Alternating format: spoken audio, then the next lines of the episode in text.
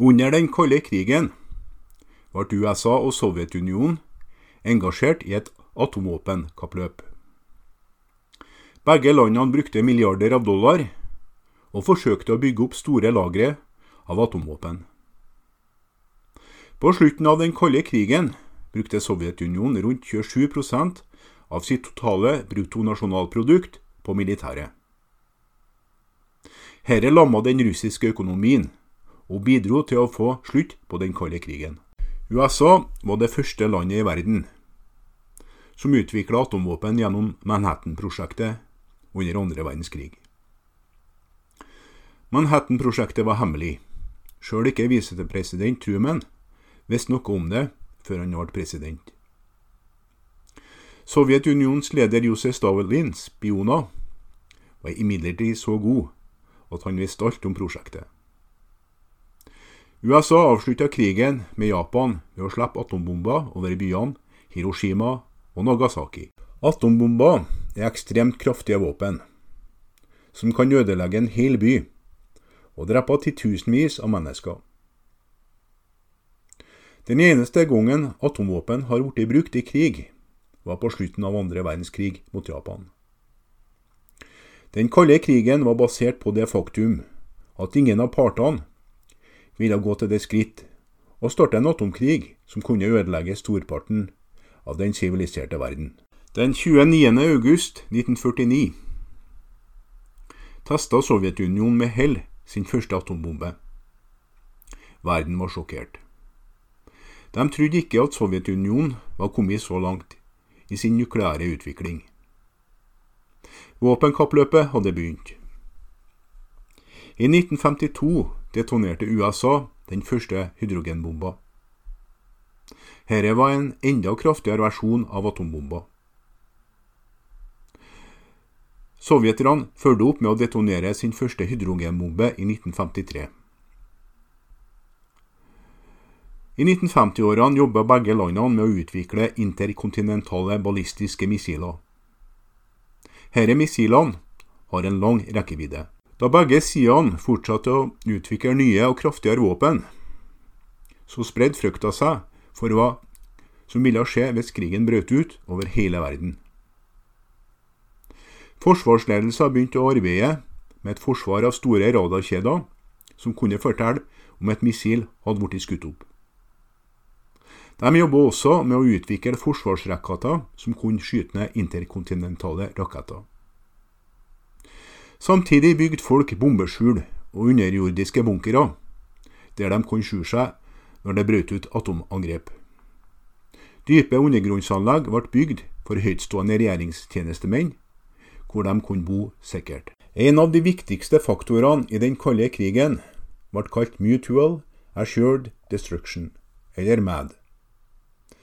Dette innebar at begge land kunne ødelegge det andre landet i tilfelle angrep. Det spilte ingen rolle hvor vellykka det første angrepet var. Den andre sida kunne fortsatt gjengjelde og ødelegge landet som først angrep.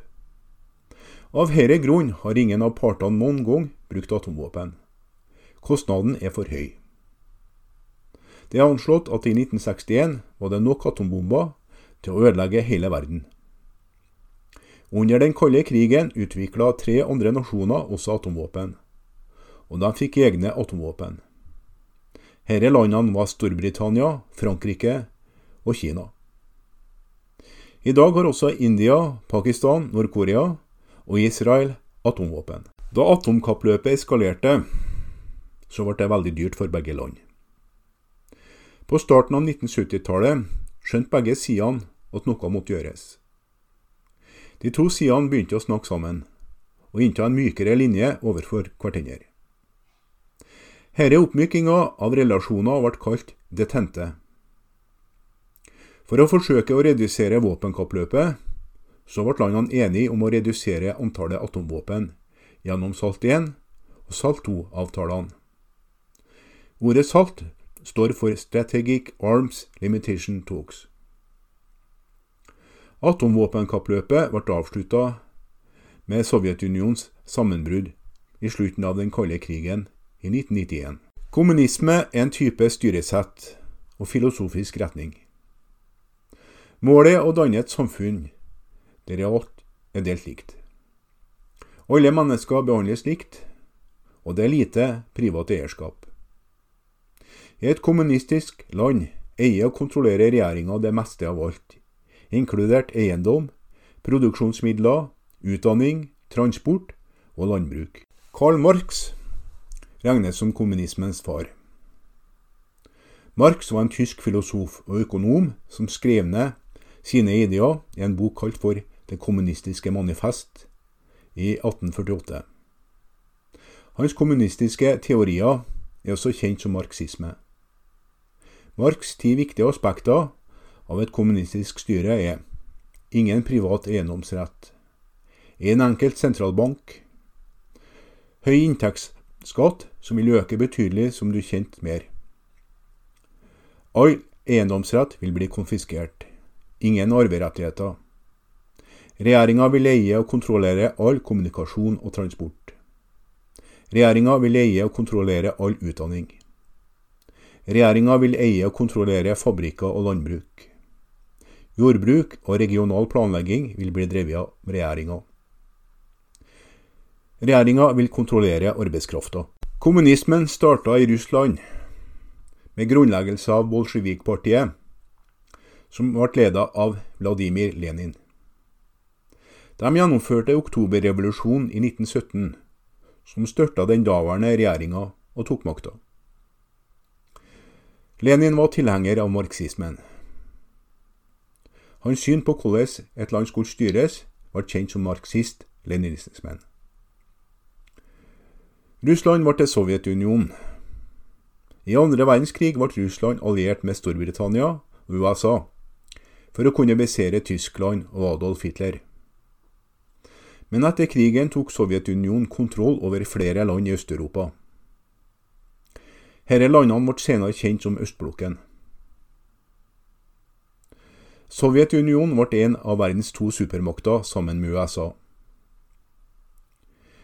I mange år kjempa de mot de vestlige land i det som kalles den kalde krigen i dag. Et annet stort land som styres av en kommunistisk regjering, er Kina. Kommunistpartiet fikk kontroll etter å ha vunnet den kinesiske borgerkrigen. Kommunistene overtok Fastlandskina i 1950. Mao Zedong var leder av det kommunistiske Kina i mange år. Den slags kommunisme som ble ført i Kina på Maos tid, kalles for maoismen. Den var også basert på marxismen. På den tida da Mao Zedong styrte Kina, så var fattigdomsgraden på 53% Men Kina starta økonomiske reformer som fjerna seg bort fra kommunismen i 1978, under ledelse av Deng Xiaoping. Fattigdomsraten var sunket til 6% i 2001. Den kinesiske regjeringa har i flere år vært kritisert for menneskerettighetsbrudd. Her er omfattet mange henrettelser, fengsling i fengsel uten dom og vidtgående sensur. Andre kommunistiske land i verden omfatter Cuba, Vietnam, Nord-Kina og Laos. De faktiske resultatene av det kommunistiske styresettet har ikke fulgt marxismens teorier og regler. De fattige som skulle bli hjulpet av marxismen, blir behandla forferdelig av styrets ledere. Eksempel er det anslått at Sovjetunionens leder Josef Stalin fikk over 40 millioner mennesker drept for statens gode. Stalin oppretta arbeidsleirer for alle som var uenige med regjeringa. Han skapte til og med sultkatastrofer for å bryte ned folkets vilje, og få full kontroll og makt over folket. Kommunistiske stater har generelt gitt folk mye mindre frihet. De forbyr religionsutøvelse, bestemmer at enkeltmennesker skal jobbe i bestemte jobber, og hindrer folk i å flytte rundt om i landet sitt og flytte til andre land. Folk mister også rettigheter til å eie ting, og myndighetene blir utrolig sterke. Josef Stalin ble leder av Sovjetunionen etter at Sovjetunionens grunnlegger, Vladimir Lenin, døde i 1924. Stalin styrte Sovjet til sin egen død i 1953. Han ble kjent som en brutal leder, som var ansvarlig for dødsfallet til over 20 millioner mennesker. Stalin ble født i Gori i Georgia, som et land som ligger sør for Russland. 8.12.1878. Hans fars navn var Lusif Jugasvili. Stalins foreldre var fattige, og han hadde en hard barndom. I en alder av sju fikk han sykdommen kopper. Han overlevde, men huden hans var dekka av varr. Han dro senere til presteseminaret for å bli prest, men han ble utvist for å være for radikal. Etter å ha forlatt presteseminaret kom Stalin sammen med bolsjevikiske revolusjonære. Her var en undergrunnsgruppe som fulgte Karl Marx' kommunistiske skrifter og da ble ledet av Vladimir Lenin. Stalin ble etter hvert en av lederskikkelsene innen bolsjevikene. Han ledet oppløp og streiker, og til og med fikk han tak i penger ved å rane banker og begå andre forbrytelser. Snart ble Stalin en av Lenins øverste ledere. Han fikk navnet Stalin mens han var revolusjonær. Navnet kommer fra det russiske ordet for stål, kombinert med navnet Lenin. Før han tok navnet Stalin, brukte han navnet Kuba. Kuba var en heltefigur fra russisk litteratur. I 1917 fant den russiske revolusjonen sted. Dette var da styret av Russland ble ledet av tsaren, og Lenin og bolsjevikene kom til makta. Russland ble nå kalt Sovjetunionen og Josef Stalin ble medlem av regjeringa. I 1924 døde Vladimir Lenin. Stalin hadde vært generalsekretær for kommunistpartiet siden 1922. Før Lenin døde, skrev han i sitt testamente der han anbefalte at Stalin skulle bli fjerna fra makta. Lenin syntes at Stalin var brutal og hensynsløs. Stalin hadde nå vokst i kraft og fått full kontroll over bolsjevikene. Etter Lenins død ble Stalin lederen av Sovjetunionen. Stalins høyre hånd ble Molotov. For å styrke Sovjetunionen beslutta Stalin at landet skulle bevege seg bort fra å være et landbruksland og til å bli et industrialisert land. Han fikk bygd fabrikker over hele landet.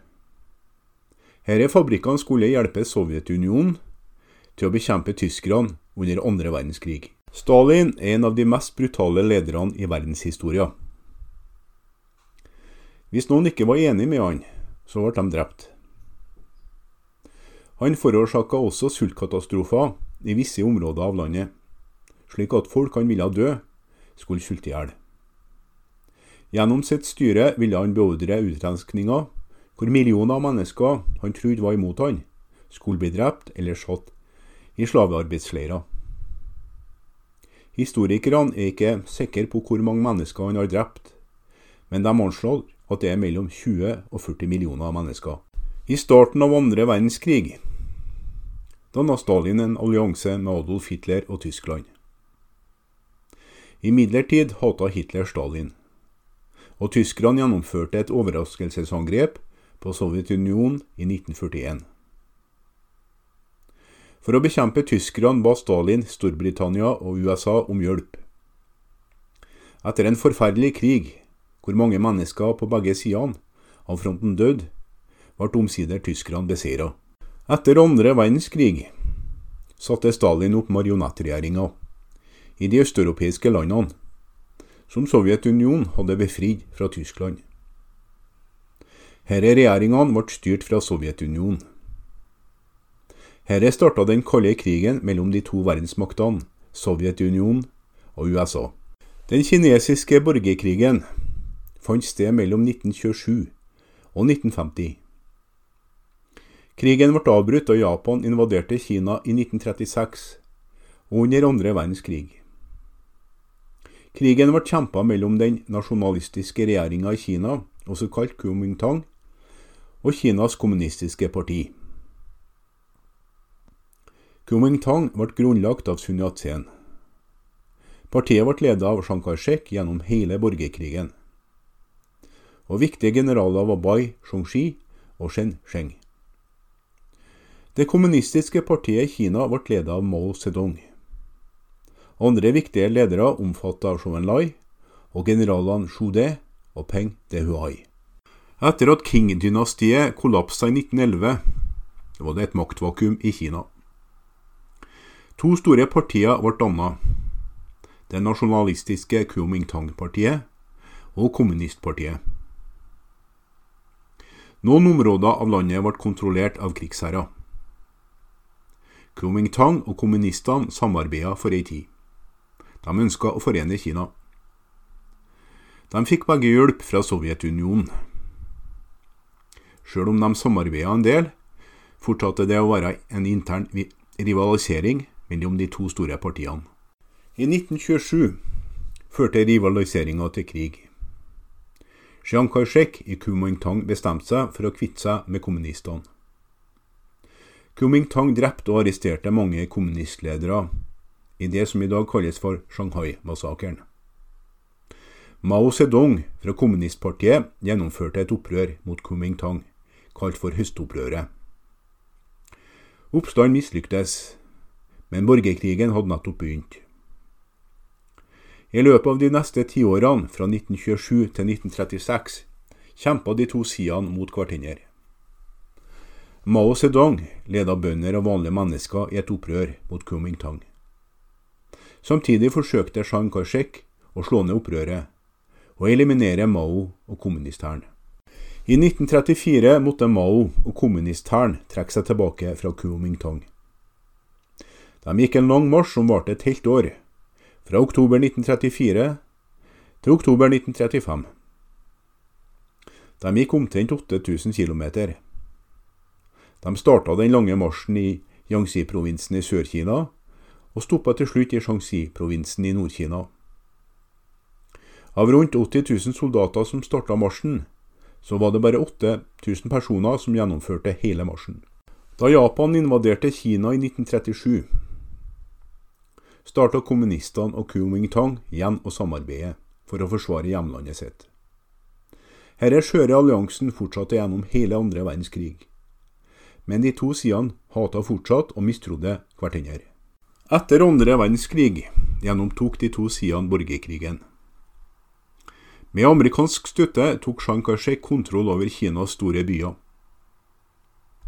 Kommunistene ble finansiert av Sovjetunionen og fikk raskt omfattende støtte på landsbygda.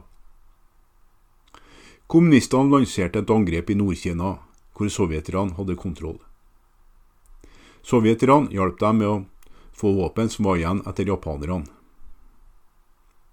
I de første årene forsøkte USA å gjennomføre en fredsavtale mellom de to sidene, der landet skulle splittes. Men ingen av de stridende partene var ikke villige til å inngå noen avtale. I 1948 fikk kommunistenes fremgang. De fortsatte å ta nasjonalistiske byer og med hver seier fikk de støtte fra Kinas befolkning.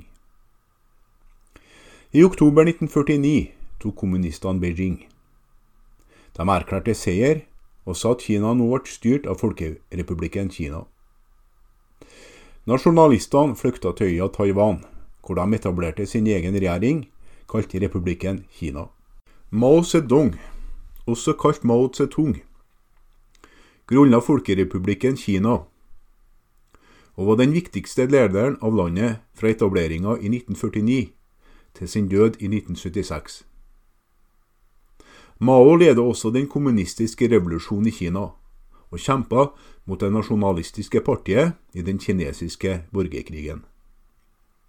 Hans ideer og filosofi om kommunisme og marxisme blir ofte referert til som maoisme. Mao ble født 26.12.1893 i Shaoshan Hunan-provinsen i Kina. Han gikk på den lokale skolen til han var 13 år gammel, da han begynte å arbeide som bonde på fulltid på familiens gård. I 1911 kom Mao sammen med de revolusjonære og kjempa mot Qing-dynastiet. Deretter begynte han igjen på skolen. Han jobba også ei tid som bibliotekar. I 1921 deltok Mao på sitt første kommunistiske partimøte. Han ble snart en leder i partiet. Da kommunistene allierte seg med Kuomintang, fikk Mao arbeide for Sun Yat-sen i Hunan. Siden Mao vokste opp som bonde, tror han sterkt på de kommunistiske ideene. Han studerte marxismen og følte at kommunismen var den beste måten å få bøndene til å hjelpe han med å styrte regjeringa. Etter at president Sun Yat-sen døde i 1925, overtok Chiang Kai-shek styringa av Kuomintang. Chiang ønska ikke lenger at kommunistene skulle være en del av hans bevegelse. Han brøt alliansen med kommunistene og starta med å drepe og ta til fange kommunistiske ledere. Den kinesiske borgerkrigen mellom Kuomintang og kommunistene hadde starta. Etter mange års kamp bestemte Kumingtang seg for å ødelegge kommunistene en gang for alle. I 1934 tok Chang med seg en million soldater og angrep kommunistene. Mao ba lederne i kommunistpartiet om å trekke seg tilbake. Tilbaketrekninga av kommunistene fra Kuomintang-hæren kalles for den lange marsjen i dag. I løpet av et år gikk kommunistene over 8000 km fra Sør-Kina og deretter nordover til Shanxi-provinsen. Sjøl om de fleste soldatene døde under marsjen, så overlevde rundt 8000. Herre 8000 var lojale mot Mao. Mao Zedong var nå leder av det kommunistiske partiet. Borgerkrigen tok en pause da japanerne invaderte Kina under den andre verdenskrig. Men den begynte like igjen etter krigen. Denne gangen var Mao og kommunistene sterkest. De slo Kuomintang. Chiang Kai-shek flykta til Taiwan. I 1949 grunnla Mao Zedong Folkerepublikken Kina. Mao var formann for kommunistpartiet, og den absolutte lederen av Kina. Han var en brutal leder som sikra sin makt ved å drepe alle som ikke var enig med han. Han bygde også arbeidsleirer hvor millioner av mennesker ble kjent, og hvor mange døde. I 1958 annonserte Mao en plan om å industrialisere Kina. Han kalte den for det store spranget fremover. Dessverre slo planen feil. Snart opplevde Kina en forferdelig hungersnød. Det anslås at omtrent 40 millioner mennesker sulta i hjel. Dette feilen førte til at Mao mista makta for ei tid. Han var fortsatt en del av regjeringa, men hadde ikke lenger absolutt makt. I 1966 gjorde Mao comeback med den kulturelle revolusjonen. Mange unge bønder fulgte han, og danna De røde gardene. Her er lojale soldatene hjalp han med å ta over makta. Skolene ble stengt, og folk som var uenige med Mao, ble enten drept eller sendt på landsbygda for å bli utdanna gjennom hardt arbeid. En del av Maos comeback i kulturrevolusjonen var ei lita rød bok med hans ordtak. Den ble kalt Maos lille røde, og boka ble gjort tilgjengelig for alle innbyggerne i Kina. Mao møtte president Richard Nixon i 1972 i et forsøk på å skape mer åpenhet mot Vesten. Fordi Mao hadde dårlig helse, møtte Nixon for det meste Maos nestkommanderende Zhou Enlai. Møtet var viktig under den kalde krigen, fordi Kina begynte å bevege seg nærmere USA og bort fra Sovjetunionen. Mao får æren for å ha forent Kina og gjøre landet til en betydelig makt i det 20. århundre. Men han gjorde dette på bekostning av millioner og millioner av liv. Han var gift fire ganger og hadde ti barn. Mao ble dyrka som en kultpersonlighet. Hans bilde fantes overalt i Kina. Også medlemmene av det kommunistiske partiet var pålagt å bære Maos lille røde bok. Mao styrte Kina til han døde 9.9.1976 av Parkinsons sykdom. Han ble 82 år gammel. Berlinblokaden kan kalles for det første slaget under den kalde krigen. Det var da vestlige land leverte store mengder nødvendig mat og forsyninger til byen Berlin gjennom lufta. Fordi alle andre tilførselsruter ble blokkert av Sovjetunionen. På slutten av andre verdenskrig var Tysklands landområder delt opp av de allierte i fire soner. Storbritannia, Frankrike, USA og Sovjetunionen styrte hver sin sone. Tysklands hovedstad Berlin befant seg inne på Sovjetunionens område. Men kontrollen over denne byen ble også delt inn i fire soner, fordelt mellom de fire landene. Da krigen var over, så begynte spenninga å utvikle seg mellom de demokratiske landene i vest og de kommunistiske landene som ble styrt av Sovjetunionen i øst. Vesten var fast bestemt på å stoppe spredninga av kommunismen, og Marshallplanen og Truman-doktrinen gjorde dette klart. Vesten ønska også at Tyskland skulle bli forent under en demokratisk regjering. Sovjetunionen ville ikke ha denne ordninga. Snart var de to sidene i strid om framtida for Tyskland. Vesten introduserte en ny valuta kalt Deutsche Mark, men sovjeterne nekta å bruke denne valutaen i sin sone. Berlin var ei øy midt i den sovjetiske kontrollerte sonen. Vesten sendte forsyninger til Vest-Berlin via jernbane og veier. Sovjetunionen ønska imidlertid full kontroll over Berlin. De skjønte at hvis de kutta forsyningsrutene til Berlin, da ville Berlin komme under deres kontroll. 24.6.1948 blokkerte sovjeterne all jernbane og veitrafikk inn til Berlin. De kutta strømmen som kom fra den sovjetiske delen av byen. De stoppa all trafikk som gikk inn og ut av byen. Den eneste måten å komme til Berlin var med fly. Da blokaden først starta, hadde byen Berlin rundt 36 dager med matforsyninger. De trengte også store mengder kål til energiforsyninga av byen og medisinsk utstyr. Rundt 65% av lasta som ble frakta inn til Berlin, var kål. Kålet var tøft for flyene pga. alt støvet.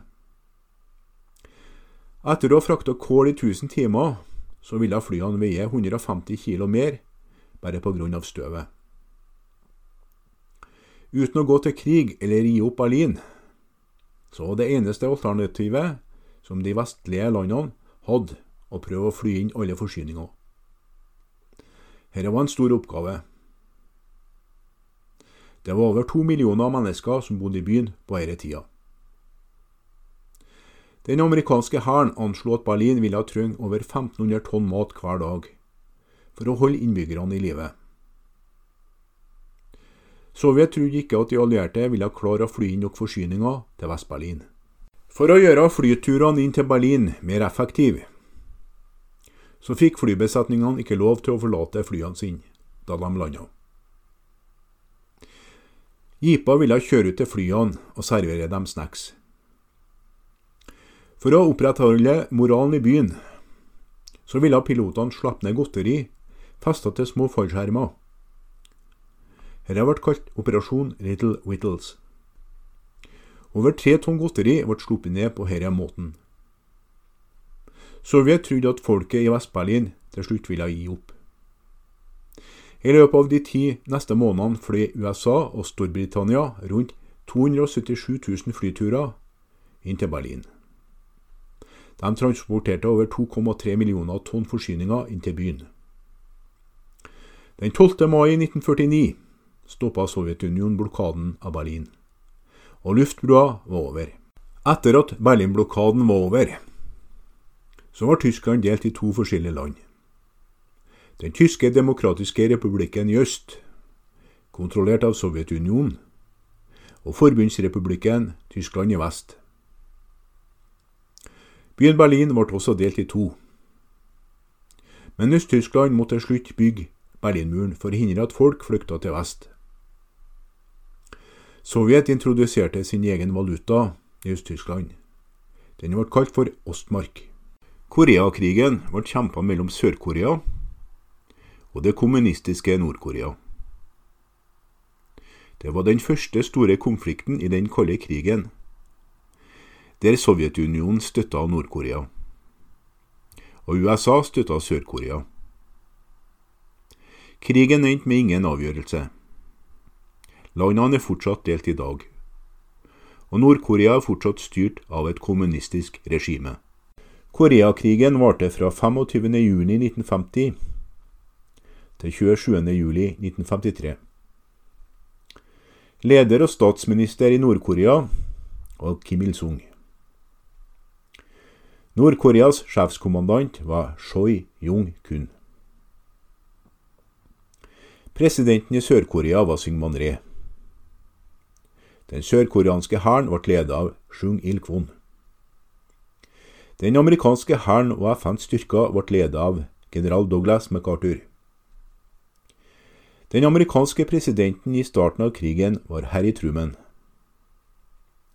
Dwight D. Eisenhower var president i slutten av krigen. Støtte til Nord-Korea ble gitt av Sovjetunionen og Folkerepublikken Kina. Støtte til Sør-Korea ble gitt av USA, Storbritannia og De forente nasjoner. Før andre verdenskrig hadde den koreanske halvøya vært en del av Japan. Etter krigen måtte halvøya deles opp. Den nordlige halvdelen ble kontrollert av Sovjetunionen, og den sørlige halvdelen sto under kontroll av USA. De to sidene ble delt langs den 38. breddegrad. Til slutt var to separate stater dannet med Nord-Korea, som dannet en kommunistisk regjering, med Kim Il-sung som leder og Sør-Korea, som danna et kapitalistisk styre under ledelse av Syngman Re. De to landene ble ikke forent, og det var konstante stridigheter og kamper langs grensa ved 38. breddegrad. Forsøk ble gjort på å forene landet, men det gikk ikke. Den 25. juni 1950 invaderte Nord-Korea Sør-Korea. Den sørkoreanske hæren flykta, og styrker fra De forente nasjoner kom for å hjelpe. USA utgjorde flertallet av FNs styrker. Snart okkuperte regjeringa i Sør-Korea bare en liten del av sørspissen av Koreahalvøya. Først forsøkte FN bare å forsvare Sør-Korea. Men etter den første sommeren med krig bestemte president Truman seg for å gå på offensiven. Han sa krigen handla nå om å befri Nord-Korea fra kommunismen. General George MacArthur leda FNs styrker i angrepet på Incheon. Angrepet var en suksess, og MacArthur var i stand til å trenge langt inn i Sør-Korea og presse bort store deler av den nordkoreanske hæren. Han hadde snart tatt kontroll over byen Seoul samt Sør-Korea sør for den 38. breddegrad. General MacArthur fortsatte med å være aggressiv, og pressa nordkoreanerne helt til grensa mot Nord-Korea. Men kineserne var ikke fornøyd med dette, og sendte hæren sin for å gå inn i krigen. På dette tidspunktet erstatta president Truman MacArthur med general Matthew Ridgway. Ridgway styrka grensa like nord for den 38. breddegrad. Her ville de to sidene kjempe resten av krigen. Nord-Korea ville angripe Sør-Korea på forskjellige plasser, og FN-hæren ville gjengjelde ved å forsøke å forhindre flere angrep. Forhandlingene fortsatte gjennom hele krigen. Men president Truman ville ikke virke svak. Da Eisenhower ble president, var han mye mer villig til å tilby innrømmelser for å avslutte krigen. Den 17. juli 1953 ble det inngått en traktat som avslutta krigen. Få ting hadde endra seg som følge av krigen. Begge landene ville forbli uavhengige, og grensa ville forbli på den 38. breddegrad. Imidlertid ble en to mil demilitarisert sone plassert mellom de to landene, for å fungere som en buffer, i håp om å hindre framtidige kriger. Situasjonen i Korea i dag ligner på hva det var for 60 år siden. Lite har forandra seg. Det anslås at rundt 2,5 millioner mennesker ble drept eller såra under Koreakrigen. Omkring 40 000 amerikanske soldater døde i krigen. Sivile tap var spesielt høyt, hvor rundt to millioner sivile ble drept. Det antas at president Truman vurderte å bruke atomvåpen under krigen.